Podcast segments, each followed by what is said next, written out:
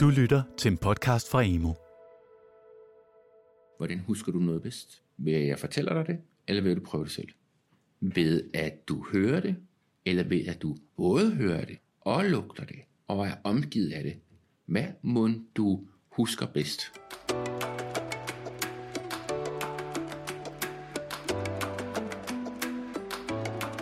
Jeg hedder Lars Emmerik Damgaard Knudsen.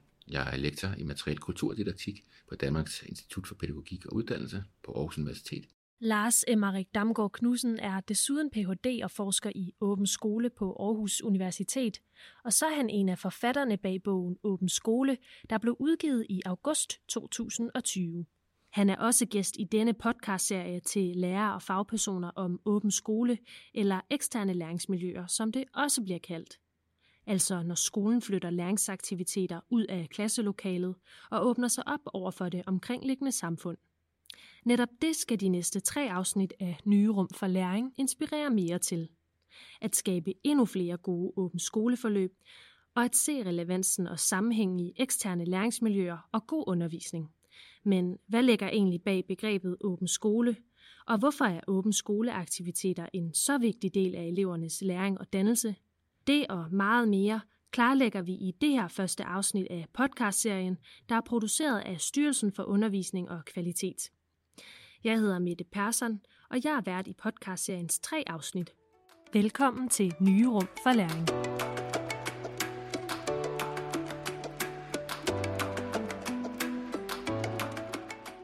Med skolereformen i 2014 fik skolernes samarbejde med virksomheder, institutioner og foreninger et nyt navn, Åben Skole. Skolerne skulle nu have et større fokus på at slå deres større op for det omkringliggende samfund som en fast del af undervisningen. Det er ifølge Lars Emmerik Damgaard Knudsen ikke noget nyt, for ifølge ham har skolen i større eller mindre grad altid inddraget alt fra lokale virksomheder til kulturinstitutioner i undervisningen før vi havde den danske folkeskole, så havde vi jo små bitte landsbyskoler ud over det hele, hvis daglige liv var i synergi med landbruget. Altså man gik kun i skole hver anden dag, man gik ikke i skole, når der skulle høstes. Det at lære var forbundet med det at producere. Så øh, det at øh, lære igennem øh, produktion er slet ikke noget nyt. Det har vi øh, haft masser af eksempler på. Ifølge Lars Emmerik Damgaard Knudsen er åben skole dog et nyt fænomen i den forstand, at der efter en større professionalisering af skolen i 90'erne faktisk opstod et behov for at reintroducere produktionen i skolen. Den professionalisering, som nu var gået i gang, den var måske gået amok. Skolens øh, mål blev meget mere ekspliciteret, læreruddannelsen blev, blev meget mere professionaliseret, så det bliver noget nyt al den stund, at skolen begynder at lukke sig mere sig selv, og der lige pludselig bliver behov for det, vi kalder åben skole. Og det, som er paradokset i åben skole, det er, at øh, skole på græsk egentlig betyder friheden fra produktion. Altså, at når du går i skole, så øh, skal du ikke på værkstedet, så skal du ikke i marken, så skal du ikke ud og, og fiske eller noget lignende. Så har du frihed fra alt det. Nu har du friheden til at gå ind og lære om de abstrakte, generelle systemer, der er omkring produktionen. Det kan være matematikken, fysikken, kulturen, musikken osv. Øh, så det, der sker med åben skole, det er, at øh, man faktisk genindfører produktion i skolen. Fordi åben skole er øh, dels en invitation til, at virksomheder, de inviteres ind i skolen. Og de inviteres ikke ind for at sidde og fortsætte skolen i skolens eget format de inviteres ind i skolen for at tilbyde det, de netop er kendetegnet ved. De er kendetegnet ved at indarbejde fag i hinanden med henblik på at opnå med, noget med det, nemlig produktion. Så åben skole er et politisk begreb. Eksterne læringsmiljøer, de har været der hele tiden. Til trods for, at eksterne læringsmiljøer har skabt nye rum for læring i mange år, er det faktisk ikke helt lige til at forklare præcis, hvad åben skole egentlig er. Det skyldes ifølge Lars Emmerik Damgaard Knudsen, at åben skole kan fortolkes på hele fire forskellige måder. Fra 2015 til 2019 havde jeg et, et forskningsprojekt, hvor vi stillede det grundlæggende spørgsmål, hvad er åben skole? Vi følte, det var et nødvendigt spørgsmål at stille, fordi der var faktisk rigtig mange, som gjorde åben skole, men vi kunne også se, at det var blevet tolket meget, meget, meget forskelligt. Og det vores øh, forskning viste ved at gå og se en masse forskellige øh, åbent skoletilbud, det var, at der var typisk øh, fire forskellige fortolkninger af, hvordan man, hvad man kan forstå ved åben skole. De fire fortolkninger af åben skole har alle en forskellig mening. Groft sagt handler den første fortolkning om elevernes dannelse gennem åben skoleaktiviteter. Altså uafhængigt af fagene, men forklaret med skolens formål. Den næste fortolkning handler om elevernes læring og fagenes mål. Det kunne man for eksempel se i undervisningsministeriet. Det blev hæftet lige meget så op på, at man skulle lære fagenes mål. Den tredje fortolkning handler mest om kompetence og elevernes evner til at løse problemer. Det var, at man skulle lære at løse problemer på et vidensgrundlag. Det kunne vi typisk se ud i kommunerne. Selvfølgelig vil kommunerne gerne have, at deres borgere, deres unge borgere, kan med til at løse det. Og så kunne vi se, at åben skole blev fortolket som kreativitet. Den sidste og fjerde fortolkning, kreativitet, slår især til, når kunstnere tager del af en åben skoleaktivitet. Men hvis dannelse, læring, kompetence og kreativitet alle kan blive tolket som meningen bag åben skoleforløb, hvad er så den rigtige fortolkning af disse aktiviteter? Ifølge Lars Emmerik Damgaard Knudsen er der ikke nogen forkert fortolkning. Derfor råder han til, at man som lærer tænker godt og grundigt over formålet med den pædagogiske grundtænkning i forløbet. Der er ikke nogen rigtig fortolkning. Den rigtige fortolkning, det er, at der er flere fortolkninger. Og den for forkerte fortolkning, det er, at der kun er én fortolkning.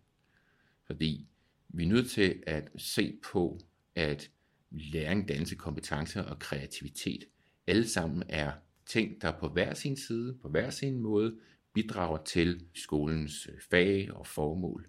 Men det er også en variation, som giver mulighed for, at øh, de lokale organisationer har mulighed for at bidrage på netop deres måde. Så hvis vi har en form for alsidighed i den øh, pædagogiske grundtænkning, vi har med åben skole, så har vi større mulighed for at lave et samarbejde med en lokal organisation, hvis vi tænker os selv som lærer lige nu. Og vi har også en større mulighed for at tale med hinanden på en måde, så faktisk forstår, hvad hinanden siger. Nu er det den her pædagogiske tænkning, som man som, som lærer, når man typisk er den, der tager initiativet til samarbejdet, starter med at sige, hvad er det for et en pædagogisk perspektiv, jeg faktisk har på det her samarbejde lige nu. Det tror jeg er rigtig vigtigt, at man er klar over.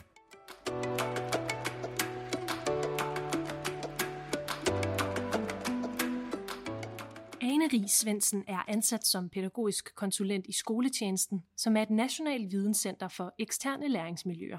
Jamen, øh, jeg hedder Ane Ries Svendsen, og jeg er til daglig ansat i øh, skoletjenesten, øh, Videnscenter for eksterne læringsmiljøer. I mere end 40 år har skoletjenesten arbejdet med at gøre kultur, kunst og natur til en af grundstenene i børn og unges læring og dannelse. Og Ane Rigsvensen mener, at videnscenterets relevans kun bliver større og større. Det, der for mig er det allervigtigste ved, at åben skole er blevet en obligatorisk del af elevernes skolegang, det er, at øh, for mig så er den danske folkeskole det er et af de mest demokratiske steder, vi har i vores samfund. Så det at vide, at man med åben skole har muligheden for, at alle børn og unge møder kunst og kultur, det synes jeg bare er helt fantastisk. Jeg synes altid, vi har været relevante i skoletjenesten, men jeg synes, vi er blevet det øh, endnu mere. Gennem skoletjenesten arbejder Ane Ries Svendsen også på Arbejdermuseet i København, hvor hun udarbejder undervisningsforløb til museets forskellige udstillinger. På Arbejdermuseet har Ane Ries Svendsen blandt andet tilrettelagt et undervisningsforløb til særudstillingen Håndens Arbejde. Dit liv, dit valg hedder undervisningsforløbet, der er målrettet udskolingselever med et fokus på håndværksfagene. Den udstilling, vi har fået lavet, den er rigtig god til at give en øh, indføring i, hvad håndens arbejde handler om. Man starter simpelthen med at møde materialerne, og man er i det her mørke rum, hvor man ligesom sanser sig vejen igennem, hvad er en øh, materiel tænkning og tilgang til tilværelsen. Lægger ismændene for med en drabel i sneboldkampen. Og skorstensfejerne og bærerne slutter med en forrygende duel på mel og sod. Den starter i, at man føler den her øh, materialitet helt, helt praktisk i udstillingen. Og det er også den, det første sted, man starter, når man skal til at vælge øh, ungdomsuddannelse, hvis man gerne vil vælge en erhvervsrettet uddannelse. Og derefter så møder man så øh, forskellige øh, stemmer i udstillingen, der fortæller om deres overvejelser i forhold til valg og uddannelse. Øh, og man har hele tiden en mulighed for at spejle sig i unge mennesker, der har stået i nogle af de samme situationer. Vi fik lov til at følge med, da 7. A fra Ingrid Jespersens gymnasieskole blev undervist i Dit Liv, Dit Valg. Under forløbet skulle 7. A løse en række opgaver, som blandt andet handlede om at slå et tykt søm ned i et bord, bygge en menneskehøj bro af skumpuder og mærke på forskellige materialer, som indgår i håndens arbejde. Alt sammen for at skabe et refleksionsrum for eleverne, hvor de kan lære mere om deres egen motivation for uddannelse og erhvervsuddannelser. Men vi er i gang med at øh, prøve at få en, prøve at banke et søm ned med, nogle, øh, med en hammer, der sidder fast med nogle snore. Jeg synes ikke, det går så godt indtil. Ja, de misser. De rammer ved siden af. Marius fra 7. A var lidt udfordret, da han sammen med sin gruppe skulle samarbejde om at slå det cirka 12 cm lange søm ned i bordet. Men det betyder ikke så meget, om eleverne klarer alle opgaverne. For formålet med en opgave som den med sømmet er blandt andet at give eleverne et perspektiv på samarbejde og et større udsyn i forhold til uddannelser og job, som de måske ikke kendte til på forhånd. Man skal lære, hvad for en uddannelse vi kan tage og have. Og så kan det give sådan noget inspiration.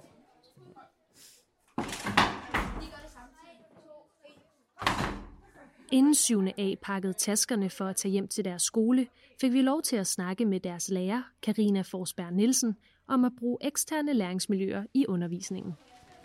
Jeg er Karina Forsberg Nielsen, og det var 7. A, jeg er klasselærer for, og det er Ingrid Jespersens gymnasieskole. Øhm, jamen, det giver bare nogle helt andre indtryk og læringsmuligheder og oplevelser hver uge. ude. Øh, og det giver os bare indtryk, at eksterne læringsmiljøer ofte sætter sig øh, dybere i eleverne, eller det er noget, de kan huske i lang tid og kan trække tilbage på øh, og bruge den viden, når vi så er i skolen igen. For mig i hvert fald som lærer handler det ikke kun om at gøre dem fagligt parate til at gå ud 9. Det handler også rigtig meget om at gøre dem til borgere, og de skal ligesom ud og være en del af samfundet. Og øhm, jeg synes, det er så vigtigt med den der uddannelsesnak, fordi min erfaring er, at der er mange, der ligesom tager et valg, som er forældrenes valg, og ikke deres eget valg nødvendigvis. Ifølge forsker Lars Emmerik Damgaard Knudsen åbner eksterne læringsmiljøer op for dele af hjernen, der gør læringssituationer lettere at huske. Derfor er de en stor del af elevernes læring og dannelse. Den viden, der ligger i at prøve det selv, er en praktisk, sanselig, kropslig viden, som har det med at lære sig i grove lang tid hos os. Vi husker det simpelthen bare rigtig godt, fordi vi bruger sider af vores hjerne, som ikke bare er forestillingsevne, men som også er sansning. Og forestillingsevne sammen med sansning udfylder simpelthen flere dimensioner af vores hjerne, til at vi faktisk kan huske det, fornemme det og bruge det til noget senere. På Arbejdermuseet oplever Ane Rig Svendsen også, at elevernes historiebevidsthed bliver bedre, når de oplever ting på egen krop. På Arbejdermuseet er det meget tydeligt, at en af vores sådan kerne dannelsesmål er jo at arbejde med historiebevidsthed. Det her med at forstå, at du er en del af en proces i tid. Der har været noget her før, der er noget efter. Øhm, det er mega abstrakt for elever. Men når de kommer ind til os og ligesom begynder at have sådan en, hvis det for eksempel er indskoling, have den her meget lejende tilgang til undervisningen, og lige pludselig begynder at sammenligne for eksempel leg for 100 år siden med leg i dag, så begynder de at bruge deres historiske bevidsthed. Og så begynder de ligesom at tilegne sig den der kronologiske forståelse af, at jamen, der har været noget her, før jeg var. Og man er nødt til at arbejde med det i forskellige sammenhænge. Og det kan for eksempel et eksternt læringsmiljø, hvor man kommer ind og ligesom får hele kroppen med, og får det her meget sanselige møde med for eksempel historien. Karina Forsberg Nielsen underviser blandt andet i historie, og hun kan godt relatere til, når historiebøgerne bliver lidt for abstrakte for eleverne. Og så peger hun også på en anden fordel ved at komme ud af klasselokalet. Nu har jeg sådan en fag som historie for eksempel, og historie er også bare vildt abstrakt for eleverne. Det er jo ofte noget tid eller sted, jeg aldrig selv har været i, og der er det bare meget nemmere for dem at, at kunne føle det og forstå det og gøre det til deres egen historie, hvis vi er ude de steder, hvor historien faktisk er foregået. Og eleverne får også tit nogle lidt andre roller, når de er udenfor. Måske har man lidt en særlig rolle i klasselokalet, men når man så er udendørs, så har man mulighed for at indgå på en anden måde. Det er ikke første gang, at Ane Ries Svendsen hører, at eleverne kan få en anden rolle i de eksterne læringsmiljøer. Det er også noget af det, som de eksterne læringsmiljøer kan være gode til, det er at skabe nogle trygge, anderledes rum, øh, for eleverne. Og vi hører tit lærerne sige, at øh, ej, hvor var det dejligt at se Louise, eller Rasmus, eller hvem det nu er, lige pludselig gøre noget på en anden måde, end de plejer. Og det er jo fordi, at de jo de resterende timer har meget af de samme lærere. Så kommer de ind, de er i et andet rum. De bliver måske sat over for nogle andre typer opgaver, end de er vant til. Der forventes måske noget andet på en anden måde. Øhm, og så får de en mulighed for at tage en anden social rolle i den sammenhæng. Og det kan være godt både for dem selv og for lærerne.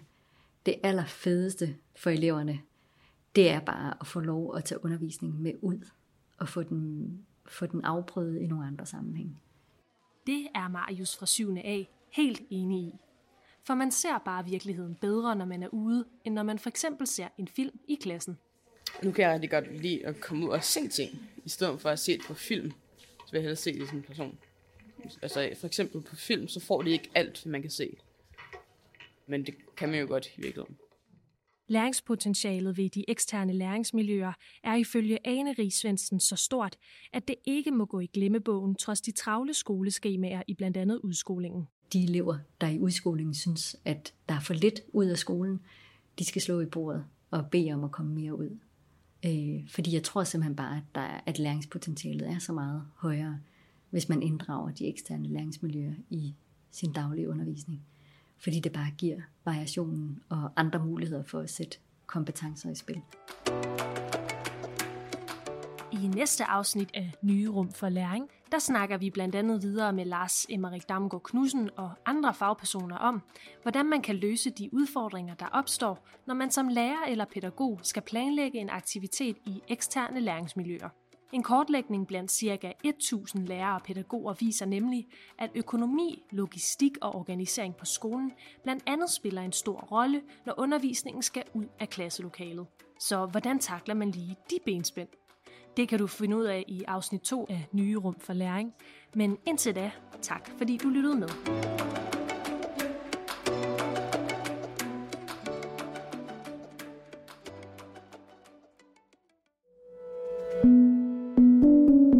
Du har lyttet til en podcast fra Emo. Find mere viden og inspiration på emo.dk.